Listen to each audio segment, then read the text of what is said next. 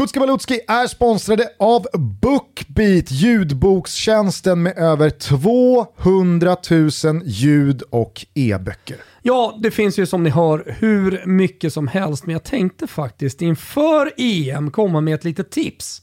Mhm. Det finns ju all möjlig fotbollslitteratur. Eh, Många tänker på självbiografier, det är ju ganska vanligt. Eh, och sådär. Jag har hittat en riktig pärla Gusten. Jaså? Jajamensan, den heter Fotbollens mest magiska ögonblick med klassiska radioreferat.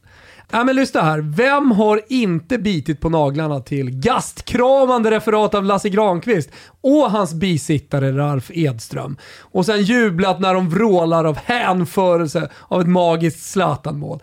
Ja, men tänk dig alla de här sköna radioreferaten, de klassiska radioreferaten i ljudbok! Och det är väl precis här man tar nästa steg vad gäller fotbollslitteratur och kan kombinera det med då audio i Exakt. Bookbeats härliga app. Exakt! Tänk er själva de mest magiska fotbollsögonblicken i historien som OS 36, VM 58, VM 94, bragden i Berlin 2012 och massor mer. Det här är mitt tips till er att ladda upp inför mästerskapet där vi förhoppningsvis får fler klassiska radioreferat. Och just nu så kan du prova Bookbeat gratis i en månad och lyssna på så många böcker du bara orkar, kan och vill. Med koden TOTOBALUTTO i ett ord så får du prova Bookbeat en månad gratis. Koden gäller alla nya Bookbeat-användare så gå in på bookbeat.se och kom igång direkt. Bookbeat stavas B-O-O-K-B-E-A-T.se. Stort tack Bookbeat! Tack!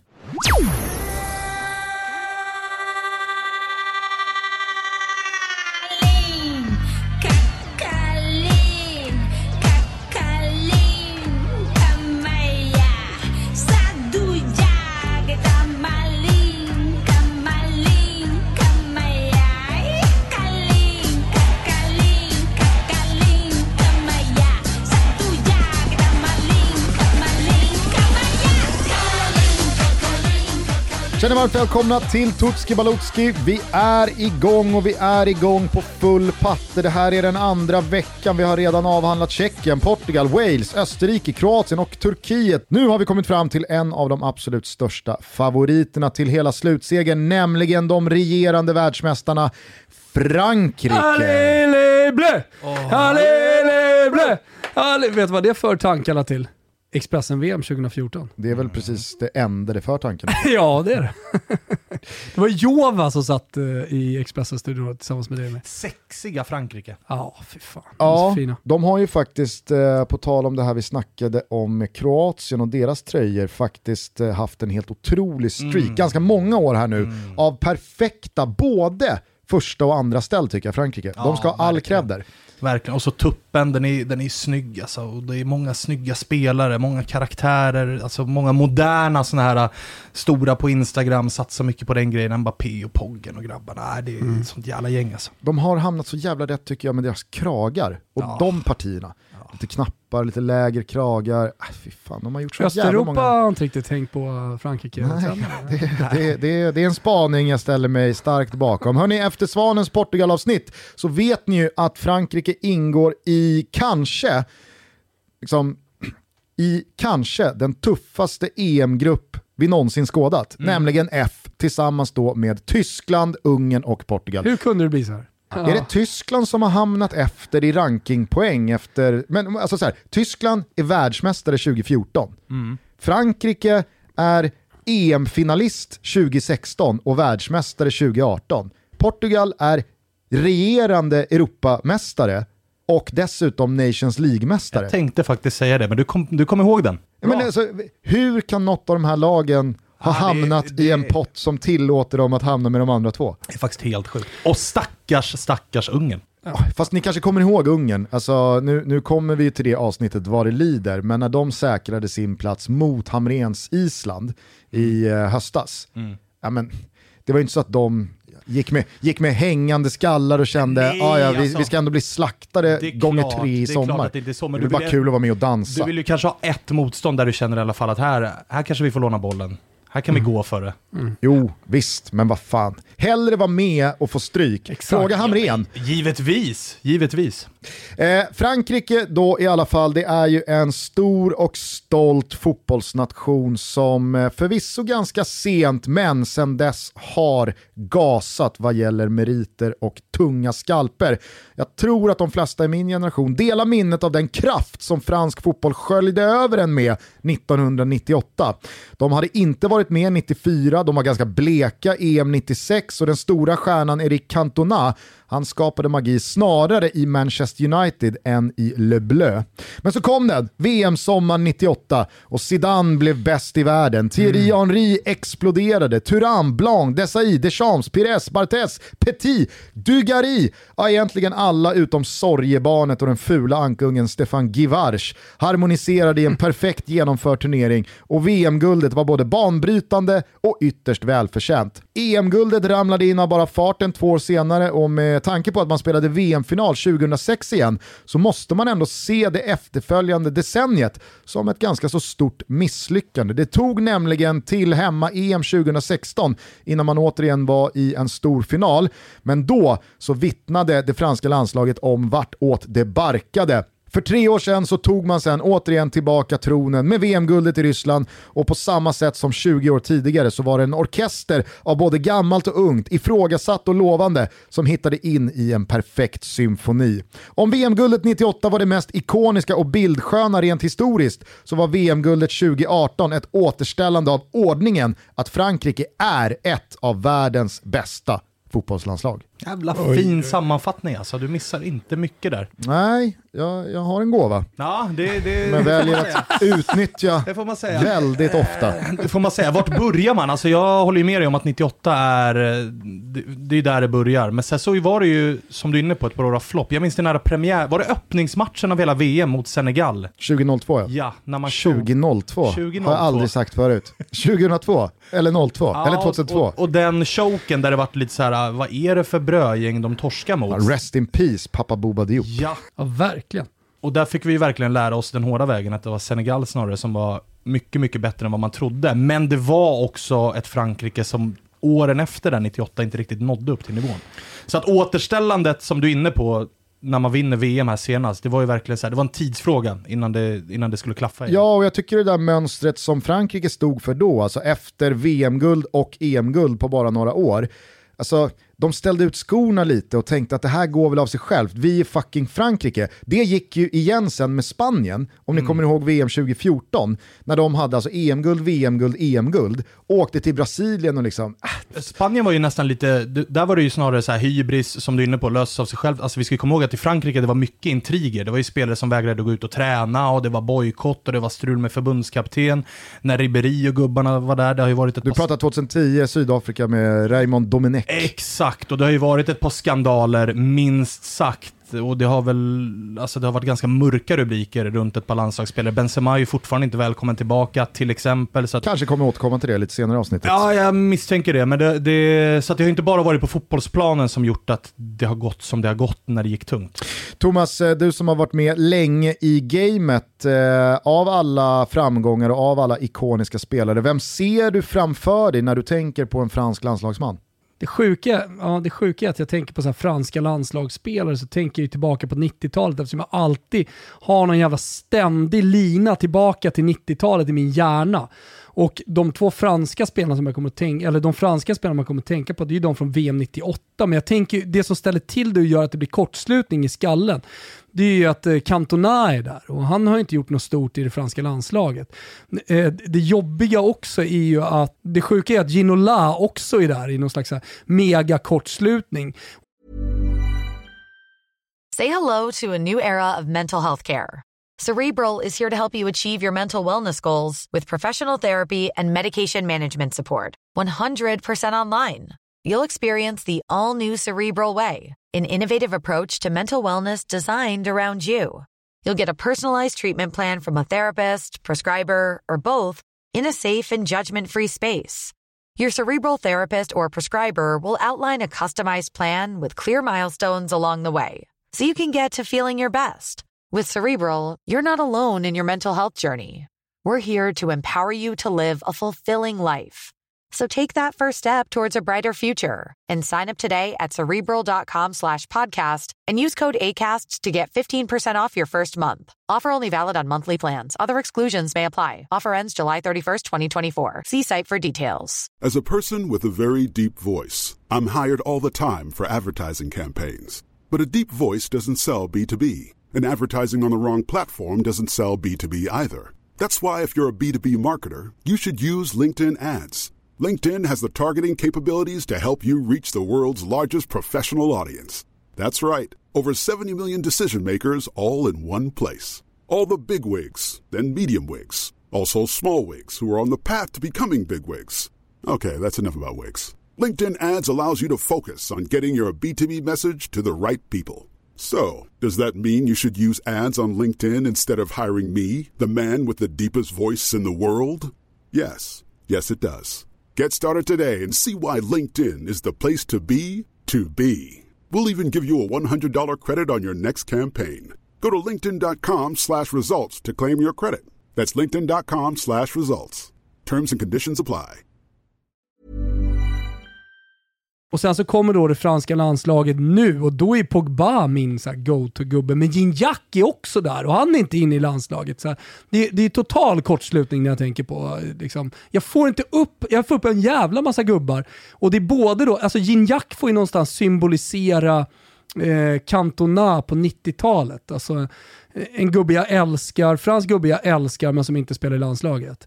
Och eh, eh, då, då får ju någonstans Paul Pogba bli liksom Zidane eller vad det nu är så här, i, idag.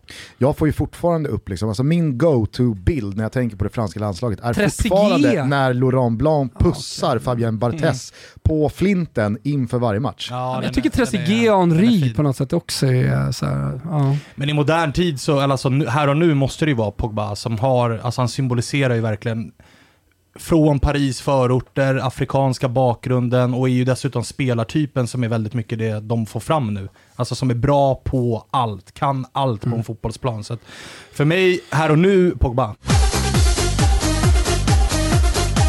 Vi gör detta Tutski Balutski avsnitt i samarbete med Telia. Ska du berätta lite om varför Telia väljer att påstå att de just nu erbjuder Sveriges bästa sportpaket? Ja, det är faktiskt ganska lätt. Eh, för att de har bakat ihop Simor och Viaplay så man får alla matcher från de största ligorna samlade i ett tv och streamingpaket. Förutom det så är de också Förutom det så har de också de nöjdaste kunderna redan. Så är du inte kund, se till att bli väldigt nöjd med din tv-tjänst. Skaffa Telia.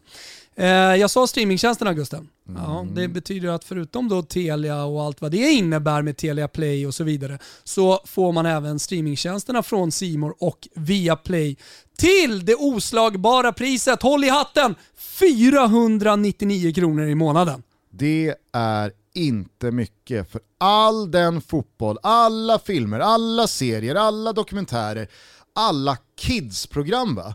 Nu har inte jag själv barn, men eh, det är inte helt fel för eh, Thomas Wilbachers eh, osunda fotbollskonsumerande att det dessutom finns en flik som dina döttrar kan vila på medan du gör jobbet. Nej, nej, verkligen. Alltså man får ju såklart allting annat som finns på Simor och Viaplay också. Så det, det, det här är ett, nej, det, det är ett dunderpaket helt enkelt. Skaffa Telia Sportpaket för den oslagbara summan 499 kronor. Du får allting annat också för familjen. Nej, det är helt otroligt. Gå in på telia.se sport så får du allt på ett ställe. Pröjsar man 499 kronor i månaden för det här så sparar man faktiskt 469 kronor i månaden om man då hade slagit ihop dem separat. Så det är nästan exakt halva priset. Vi lyfter på hatten för Telia, vi säger stort tack för att ni är med och möjliggör Tutski Balutski. Stort tack! Hur har då Frankrikes väg till detta mästerskap sett ut? Jo, förlusten borta mot Turkiet i EM-kvalets tredje runda fungerade som en bra näsbränna och en påminnelse om att det inte bara är att ställa ut världsmästardojorna och tro att det går av sig självt. Fokuset skruvades upp och bortsett från krysset mot samma Turkiet på hemmaplan så tappade inte frassarna en enda pinne i den där kvalgruppen.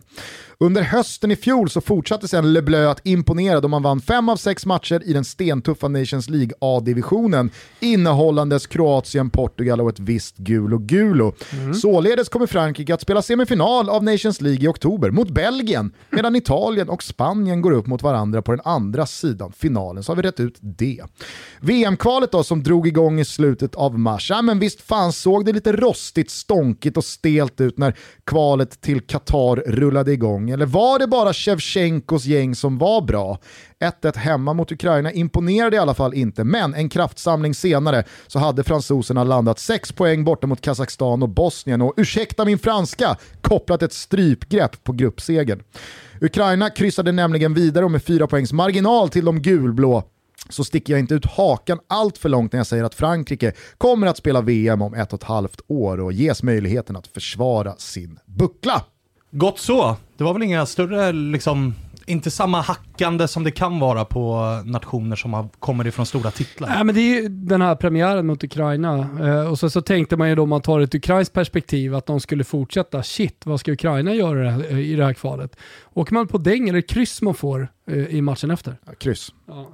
Ukraina börjar med tre kryss, så att det är redan fyra poäng ner till Ukraina för Frankrike, är- trots att de tar en pinne i Paris. Då. Men jag tycker ju att det snarare var hösten som gjorde intryck på en, när Frankrike, ja men, Alltså, på Friends så gör de ju det de behöver för att bara liksom borsta bort Sverige som tror sig kunna störa dem. Men i bortamatchen i avslutningen av Nations League-gruppen, då tycker jag att det är bytena som är det som imponerar. Alltså, där visar ju Frankrike upp den bredd av kvalitet som de sitter inne på, som fan i mig inte många kan tävla med. Och då väger jag in alltså nationer även utanför Europa. Inte ens brassarna kan matcha. I andra halvlek så byter Frankrike alltså in Mbappé och Kingsley Coman.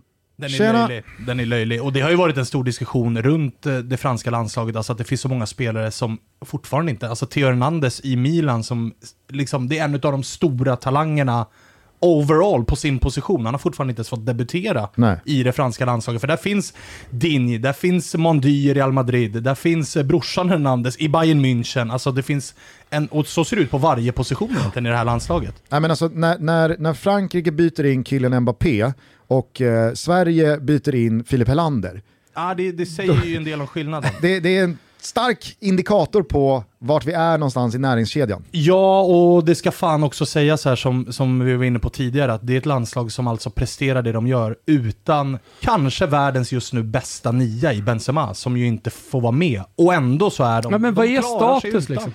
Vi kommer dit min gode Aj, vän aj, aj. Thomas, dit, eh, men tålamod. Han är först... lite ivrig va? Ja, men först måste vi såklart eh, lägga Didier Deschamps under lupp, förbundskaptenen för det franska landslaget. Eh, Han är nog den av sommarens förbundskaptener som behöver allra minst presentation.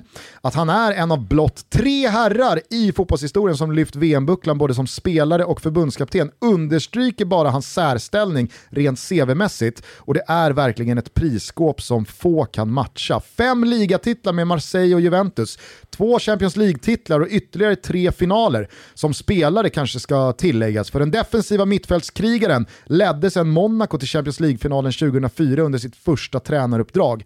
Han tog Juventus tillbaka till Serie A säsongen 06-07, vände tillbaka till Frankrike och sitt Marseille för att vinna ligatiteln 2009-2010, plockade några kupptitlar innan dagens PSG blev dagens PSG och han har rattat Frankrike sedan 2012. Är det bara jag, eller när man eh, hör det här, så förtjänar inte Deschamps ett högre anseende? Eller är han ansedd att vara en av de främsta där ute? Nej, det är han ju inte. Och inte det konstigt?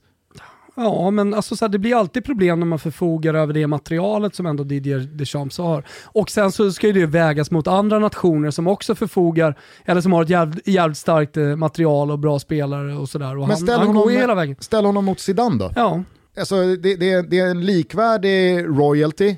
Zidane är ju ännu större, absolut, men när man, när man liksom synar vad Deschamps faktiskt har gjort, ja, men då, då är det ju otvivelaktigen så att han är en av de främsta meritmässigt. Men Zidane kommer in och väldigt tidigt i sin tränarkarriär vinner Champions League upprepade gånger med Real Madrid. Han har egentligen inte gjort någonting annat, Nej. men vem pratar inte om Zidane som en av de bästa? Ja, nu gör väl de flesta och sen det. när du Ändå läser så- upp det där CVt, alltså har han ett farthinder? Det känns som att det är succé vart han, alltså ta Monaco till den där CL-finalen. Juventus, tar, tar de tillbaka, absolut, jätteförväntat, men det ska ändå göras det jobbet. Ja. Tillbaka till Marseille, vinner titlar där också. Det är väl däremellan i sådana fall jag kan minnas att det var lite halvdant, alltså med Juventus tillbaka i Serie A. Alltså att det Ja. inte riktigt eh, flög då, men att, men att kliva med det Juventus och bara springa hem med en scudetto, alltså det, det är inte det bara att ju, göra. Det gör ju ingen. Nej. Eh, så att visst, inte, inte ett farthinder knappt, men ändå så tycker jag att ingen pratar om Didier Deschamps som en av de Och det är, bästa. väl, det är väl tyvärr det som landslagsfotbollen gör med en, att det blir lite så här, ja fast det är landslaget. Du, du får ett större erkännande, erkännande när det är de stora klubbarna på Champions League-nivå. Och där har han ju bara As a person with a very deep voice, I'm hired all the time for advertising campaigns. But a deep voice doesn't sell B2B, and advertising on the wrong platform doesn't sell B2B either. That's why, if you're a B2B marketer, you should use LinkedIn ads. LinkedIn has the targeting capabilities to help you reach the world's largest professional audience. That's right, over 70 million decision makers all in one place. All the big wigs, then medium wigs, also small wigs who are on the path to becoming big wigs. Okay, that's enough about wigs. LinkedIn ads allows you to focus on getting your B2B message to the right people. So, does that mean you should use ads on LinkedIn instead of hiring me, the man with the deepest voice in the world? Yes. Yes, it does. Get started today and see why LinkedIn is the place to be to be. We'll even give you a $100 credit on your next campaign. Go to linkedin.com slash results to claim your credit. That's linkedin.com slash results. Terms and conditions apply. Hey, I'm Ryan Reynolds. Recently, I asked Mint Mobile's legal team if big wireless companies are allowed to raise prices due to inflation. They said yes. And then when I asked if raising prices technically violates those onerous two year contracts, they said, What the f are you talking about, you insane Hollywood ass? So to recap, we're cutting the price of Mint Unlimited from $30 a month to just $15 a month. Give it a try at mintmobile.com slash switch. $45 upfront for three months plus taxes and fees. Promo for new customers for limited time. Unlimited more than 40 gigabytes per month. Slows. Full terms at mintmobile.com. varit med Monaco egentligen. Mm. Han firade stora framgångar i Rysslands VM med sitt 4-2-3-1, stod på sig kring sina val av Benjamin Pavard och Olivier Giroud, drog ut Matuidi på en kant och gav killen Mbappé fria tyglar att vara så bra och ungdomligt frejdig som bara han kunde vara. Han har dock alltid, med det pinsamma VM 2010, ganska färskt i minnet när han tog över 2012, predikat både gruppdynamik och vikten av att bara ha spelare som är beredda att underkasta sig laget, förbundskaptenen och att vara lojal mot kollektivet. Således har Karim Benzema fått stå utanför landslaget sedan 2015 och den där sextape-härvan med Valbuena och tillhörande utpressning. När truppen till det senaste Europamästerskapet togs ut för fem år sedan blev separationen definitiv. Deschamps utelämnade Benzema från hemmamästerskapet och Benzema svarade att förbundskaptenen kuvats av rasismen inom den franska fotbollen. Det har varit en relativt öppen fade mellan Deschamps och Benzema, men kanske framförallt förbundspresidenten Noël Lagré som också fått sin beskärda del av Benzema-sleven. Och här övergår vi då från förbundskaptenen till snackisen. För det är givetvis fortfarande en av de största samtalsämnena kring det franska landslaget. Karim Benzema ångar ju på i Real Madrid och spelar den här säsongen sin kanske bästa fotboll i karriären. Samtidigt som Olivier Giroud inte har speciellt många minuter innanför västen sedan Thomas Tuchel tog över Chelsea. Å andra sidan är Giroud som en gammal såg. Även fast det finns modernare, piggare och fräsigare lösningar så gör den jobbet bara man ger den chansen och sågar tillräckligt länge. Den stiliga anfallaren är nu bara sju pytsar ifrån Thierry Henrys notering på 51 mål och titeln landets främste landslagsmålskytt genom tiderna. Men nej, när inte ens nationalikonen Zinedine Zidans bön om att ta Benzema till nåder bet på Lagré så tror jag faktiskt att vi kan glömma Bensen. Hans äventyr med Frankrike är över, hälsar förbundspresidenten. Även det franska folket är tudelat. I början av april så ville 41% av L'Equipes tillfrågade supportrar se honom i EM-truppen. Och det jag undrar är hur detta kan komma att slå ner på förbundet, men kanske framförallt Deschamps, om Giroud återigen skulle gå mållös en hel turnering, men det inte slutar med, låt säga, minst semifinal.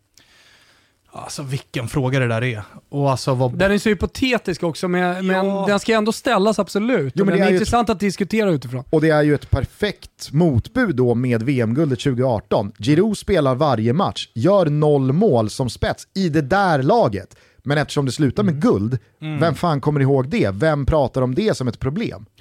Ja, och vad sa du? 41% vill ha med Benzema? Ja. Ja, det är, då, de är ju bortskämda, fransoserna nu.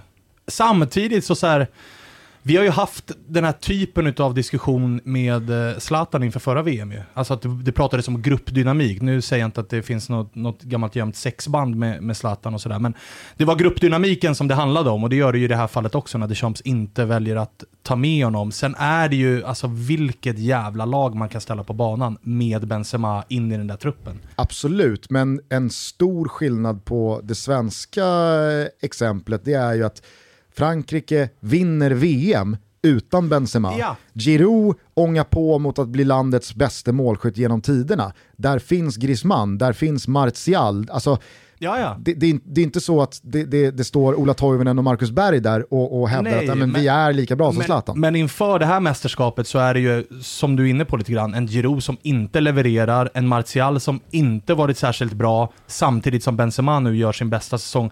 Inför 18, då var ju Benzema inte den Men det då så var han jävla- inte det han är idag, så Nej. då var det lättare att Men det är det liksom som är så jävla lurigt tycker jag med mästerskap. För att, eh, det är nästan så jag vill vända på det.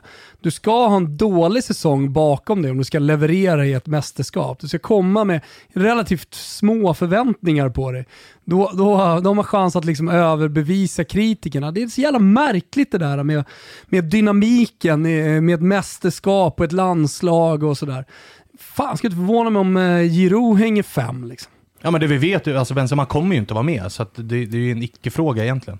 Alltså, jag, vill- jag, jag, jag, bollar vill, upp jag vill inte stänga dörren helt och hållet. Nej, men alltså, om det, min enda take på det är att om folket, alltså om det hade varit påtryckningar från media, från supportrar, stora, att det hade varit 95% som är såhär, vi ska ha med Benzema. Jo men säg, alltså, okej vi, vi, vi skarvar uppåt lite då. Hälften av folket vill ha med honom. Zidane är ute och vädjar till Deschamps och förbundet, ta med honom. Eh, Cantona är ute och vädjar, ta med Benzema, vi, vi vill se Benzema i lag. Alltså, jag, vet, jag vet inte, jag tror ändå att det kommer, eh, det, det kommer vara uppe för diskussion till den dagen Deschamps tar ut den slutgiltiga truppen. Å andra sidan, förmodligen så är det ju det här dock inte Deschamps beslut, även fast han har varit ute och sagt att det är jag som bestämmer. Det är jag, alltså, han har ju varit väldigt noga med det. Alltså, la grej han kör ju. Alltså han har ju bestämt sig. Det är definitivt slut. Mm. Och det, det, det säger de, alltså, den är, den, är ju, den är ju svår, för att alltså, det är klart att han vill spela Benzema, men relationen är ju, den är ju död. Och Ja. alternativen finns där. Så att, Precis som den här diskussionen kommer vara död eh, när Frankrike har tagit ut sin trupp och folk lyssnar på det här den 11 juni.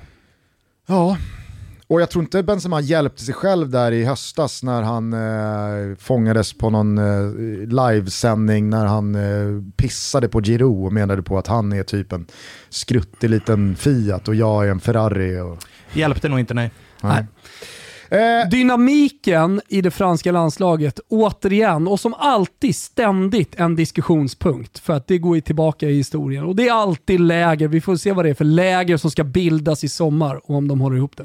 Vi får väl också se vad ni säger nu när jag ska slå fast vem som är det här lagets viktigaste spelare. Det är inte Kylian Mbappé som kan göra kaos med vilket försvar som helst. Det är heller inte Antoine Griezmann som kanske var den allra bästa spelaren i det VM-guldvinnande laget. Det är inte heller Hugo Lloris som eh, behöver ha riktigt bra veckor för att Frankrike återigen ska spela final. Utan jag tycker faktiskt att den viktigaste spelaren i det här laget är N'Golo Kanté. Ah, fint att du väljer honom. Paul Pogba, Rabiot, Ndombele, Sissoko. Rabiot. Nej, utan Kanté så faller hela balansen. Han har visat en ruskig form här under våren med Thomas Tuchel. Det är ju kanske världens bästa bolluppsamlare, bollfördelare. Han blir aldrig trött, han är otroligt ödmjuk i hela sin jävla framtoning, både som person och spelare. Alltså jag tror att utan Kanté, då riskerar Frankrike verkligen att tippa över till det här vi är världsmästare, vi ställer ut skorna, det löser vi sig för vi har så jävla många klassspelare. Kanté garanterar ju att lägsta nivån är väldigt, väldigt hög. Mm. Ja, men jag håller med. Alltså, och det, det är de här underskattade defensiva mittfältarna återigen som är så jävla viktiga. Jag håller i Albin Ekdal. Jag vet inte, vem är det som gör Gulo Gulo? Eh, det är väl jag tror jag. Ja, det är du. Alltså, jag håller ju Albin Ekdal som vår viktigaste spelare, alltså, till och med när Zlatan är på banan. Alltså, det, det, det blir en helt annan balans, tycker jag inte minst vi såg när han var skadad senast också. Han behövs, hans erfarenhet, hans eh, smartness, nu ska vi inte prata Sverige, men på samma sätt då, N'Golo Kanté. Gnugget på mittfältet, så jävla viktigt när du har ett sånt sprakande anfall som, och många kreativa, kvalitativa, tekniska spelare som Frankrike har. Och han, behövs ju, han behövs ju som motpol också till de här egoisterna. Alltså alla de här, vi minns ju hur det såg ut efter de vann VM 18. Det var ju alla skulle ju fram till kameror och det var selfie-sticks och det var hela den här balletten. När Kanté skulle fram och hyllas utav franska folket, alltså han, han stod ju där och skäm, alltså han tyckte det var jobbigt och pinsamt och han vill inte vara i någon jävla rampljus utan han vill bara lira fotboll. Så att, han väger ju upp det på den sidan också. Ska du få ut max av alla fixstjärnor, då behöver du spela N'Golo Kanté. Ja. Denna vecka sponsras podden av Rocker. Det är en ny app som hjälper dig att hålla koll på din ekonomi. Anslut dina kort och konton och få en överblick över dina köp i ett transaktionsflöde. Jag har börjat med det här Gusten och det är faktiskt jäkligt nice. Det bästa med Rocker det är ju att man inte behöver hålla på och byta bank eller något sånt där. Utan det här är ju bara någonting man lägger ovanpå sin redan existerande ekonomi. En annan stor fördel med Rocker det är ju att man kan splitta köp med vänner eller familj och låta appen sköta insamlingen av pengar med påminnelser. Jag vill bara förtydliga hur enkelt det är att komma igång med Rocker. Ladda ner appen och sen så loggade jag in med BankID. Sen valde jag då eh, min bank, eh, mina kort, eh, CSN till exempel och så loggade jag in med BankID och sen var allting där. Så har man allting i en och samma app. Sen gick jag faktiskt in här i Rocker-appen nu Gusten och sökte på Gusten. 220 spänn förra veckan ser jag att eh, man har dragit iväg. Här i januari, vad är det för 1200 man har skickat? Rocker utmanar storbankerna med enklare och smartare finansiella tjänster. Ladda ner Rocker-appen idag. Vi säger tack för betalt samarbete Rocker. Stort tack! Vår gubbe då? Ah, det finns fan i mig bara ett svar på den här frågan. Det är fortfarande Paul Pogba. Ah, han är så fin. Ja, men det, alltså, han kommer alltid vara min gubbe. Ja. Alltså, Paul Pogba kommer jag vara med karriären ut, lite som Mario Balotelli eller vem ni nu vill. Alltså, jag älskar Paul Pogba. Det finns ingenting som provocerar mig mer på Twitter än när folk ska ta billiga poänger efter en dålig Pogba-period och menar på att han är en överskattad fotbollsspelare. Alltså, han har ju allt. Han är så Alltså, en jävla komplett fotbollsspelare som när han är på toppen, ah, han är så bra så att det är, det det är löjligt. Ja, och jag minns att, eh, var det du Thomas som skrev på Twitter för, för ett par veckor sedan att så här, det finns ingen jag vill se spela fotboll lika mycket som Neymar. Men alltså Pogba är högt upp på den där listan också. Även när han är i dålig form så vill jag alltid se Pogba spela fotboll. För att, eh, han, han har verkligen alla de här egenskaperna som gör att det är kul att titta. Det kan hända vad som helst. Han har kraften, han har tekniken, han har distansskottet och han har också glädjen när han spelar. Och det är underbart att se Pogba. Framförallt i landslaget, för att du pratade ju om honom i inledningen av avsnittet här som en generationsspelare som är väldigt representativ för vad fransk fotboll är av idag. Han är ju dessutom ganska representativ för vad världsstjärnegenerationen står för med agenter, med att vara ganska problematiska att ha att göra med, man byter klubb om det passar en själv, man är sugen på cashen. Det är ju inte egenskaper jag högaktar och, och dör för, men det har ju verkligen understrukit i fallet Pogba att det finns en, att det finns en Pogba att det finns en Pogba i klubblagsmiljön när det är lite stormigt i form av kontrakt och så vidare. Och så finns det en Paul Pogba när han drar på sig landslagströjan och ska representera Frankrike. Ja, definitivt så. Och där går han ju... Han verkar ju vara en jävla härlig, härlig spelare att ha i ett omklädningsrum, framförallt i Frankrike. Han, tar verkligen, han, han verkar ta stort ansvar för den där gruppen och han bär ju inte binden, men han agerar ju väldigt mycket som en lagkapten. Stjärnskottet, ja, det som slår en när man synar Frankrikes trupp i sömmarna är att den knappt innehåller en enda bärande spelare född på 80-talet. Hugo Lloris och Olivier Giroud är i princip de enda åldermännen och i andra änden av spektrat är liksom Kylian Mbappé ganska överlägset yngst med sina 22 år. Resten av truppen är mellan 25 och 30, födda första halvan av 90-talet och mer eller mindre etablerade spelare på den absoluta toppnivån och med flera landslagsår innanför västen. Ska man kanske då lyfta fram Ferland Mendy för den breda massan här, som trots sina snart 26 år i passet först på sistone fått sitt stora erkännande. Eller så här, först nu när vänsterbacken etablerat sig i Real Madrid har den stora fotbollsvärlden fått upp ögonen för honom. Han var inte en del av den VM-vinnande truppen senast och har således heller inte synts till på den här scenen tidigare. Så jag tror nog fan att jag får lyfta fram Ferland Mendy här, åldern till trots. Mm. Skadade sig mot Liverpool i Champions League-kvartsfinalen och har missat några veckor under slutspurten av säsongen, men ska snart vara fit for fight och vadskadan ska absolut inte vara några bekymmer för EM-spel. Men! Deschamps har ju verkligen en, två, ibland tre fullgoda alternativ världsspelare på typ varenda position. Så när allt är över i sommar så kanske det är Bayern Münchens Lucas Hernandez som spelat vänsterback. Lucas Ding finns där och konkurrerar, men detta ska inte förta någonting från Mendy. Det är snarare bara ett stort jävla fett streck under varför Frankrike är en av favoriterna till titeln och kanske varför det inte finns plats för en massa 19-åringar i den här truppen. Mm, köper det. Och Mbappé behöver ju, han är ju stjärnskottet men behöver ju inte någon vidare presentation. Så att jag tycker det är På bra att länge också.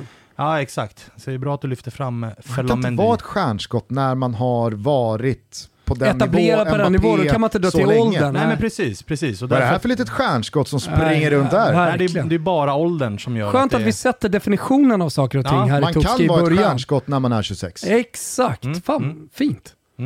Eh, Okej, bra. Inga motstånd eh, kring eh, någon av spelarna Nej, det tycker jag fan inte. Då återstår bara en sak att slå fast kring Frankrike. Ruben! Var det Vad där? är det Var franska? Ruben! Ruben. Ruben! Ruben är ju vårt långtidsspel på respektive deltagarnation i sommar. Allting finns under godbitar och boostade odds på Betsson.com. Tjeckisk-franska. Man behöver vara 18 år fyllda för att rygga och upplever man att man har problem med spel så finns stödlinjen.se öppen dygnet runt. Min rubel kring Frankrike, det är att man i grupp F tar exakt 7 poäng. Man inleder mot Tyskland, jag säger att man slår Tyskland. Jag med. Oh ja. Och sen har man då Ungern som man givetvis bara promenerar över och säkrar avancemanget innan sista vändan mot Portugal. Är det då inte bara liksom superläge för Deschamps att lufta lite men ha kvalitet och krysset är liksom, Är det inte man vinner gruppen på krysset. Visst, det, det är inte full pott men det behöver man inte i det läget. Är det inte så också att Portugal och Frankrike kommer till den matchen med stor sannolikhet då, om vi nu får liksom, om man får tro på det så Åh, vi Vänta, tänker. luktar det biscotton här? Lilla, lilla kryssbiskotton mot tysken. Kan ju hända. Nej, inte mot tysken. Nej men alltså, alltså de gör ju biskotton mot tysken. Jaha, Alltså, ja. förstår du? Lilla, lilla, sa jag, mot tysken. Alltså de går ihop sig mot tysken. Ah, ja, ja, ja, Bakar en liten kaka. Och Ja. sen äter de upp den. Alltså Frankrike att ta exakt 7 poäng i grupp F, det är Ruben. Och det får man 4,50 på. Får man 4,50 på. Det är faktiskt bara att rigga. Vilka rublar vi har! Ja, faktiskt. Det är helt Otroligt för otroligt. fan. Frankrike spelar bara två träningslandskamper inför EM. Först så möter man Wales den 2 Mm. juni innan man genrepar skarpt mot Bulgarien. Mästerskapsfotbollens fluffer. Alltså de som... ja, ni vet ju vad en fluffer gör va? Ja. Och det, det är liksom vad Bulgarien har blivit. Den franska drulen ska upp. Bulgarien har bara vunnit två fotbollslandskamper på tre år och då var en av dem mot Gibraltar. Så Bulgarien ringer man ju in när man vill liksom testa så att eh, paketet funkar. Ja. Ja, det är härligt. Härligt. Allez eller bleu. Du ville, Svanus, som vi nu har tagit hjälp av vår poll att slå fast att du ska kallas. Men med Don Ja innan. just det, Don Svanus. Någon form av Det har, du, det har du lagt till. Någonting säger mig att Thomas kommer fortsätta med Svaneprutten. Men Don Svanus... jämnt skägg. Ja, Över, det var- nästan var- 4000 har engagerat sig i denna, denna nyckelfråga inför mästerskapet. fråga. Det var tajt alltså. Ja, nej, men Som hör du, är. Ja, Hör du. Svanestjärten, eh, du ville avsluta är den här episoden eh, med eh, någon rap. Ja, och det är helt sjukt att du inte minns den. Det var ju den de gick ärevarv runt. Eh, var det ja. Stade France när de hade vunnit med de här tre, jag tror att det är tre stycken rappare som gjorde någon låt inför VM alltså, det 18. Det enda jag hörde när det där guldet firades var Åh, N'Golo Kanté. Nej, nej, nej. De hade... De hade Åh, N'Golo Kanté. Den är bra den också, men den här rappen är VM-18. Vilken stämning det är inför VM, höll jag på att säga. EM. Jag säger alltid VM. Nej, den rappen är, den är magisk. Okej. den, den inkluderar samtliga i truppen och det finns en video på YouTube när de firar det där guldet som är Underbart. Då kommer den här. Vi hörs imorgon. Tutski Balutski rullar vidare. Imorgon så är det dags för eh, Finland. Finnpajsan Vilken jävla downer. Ciao. Ciao, Doddi. Kitos.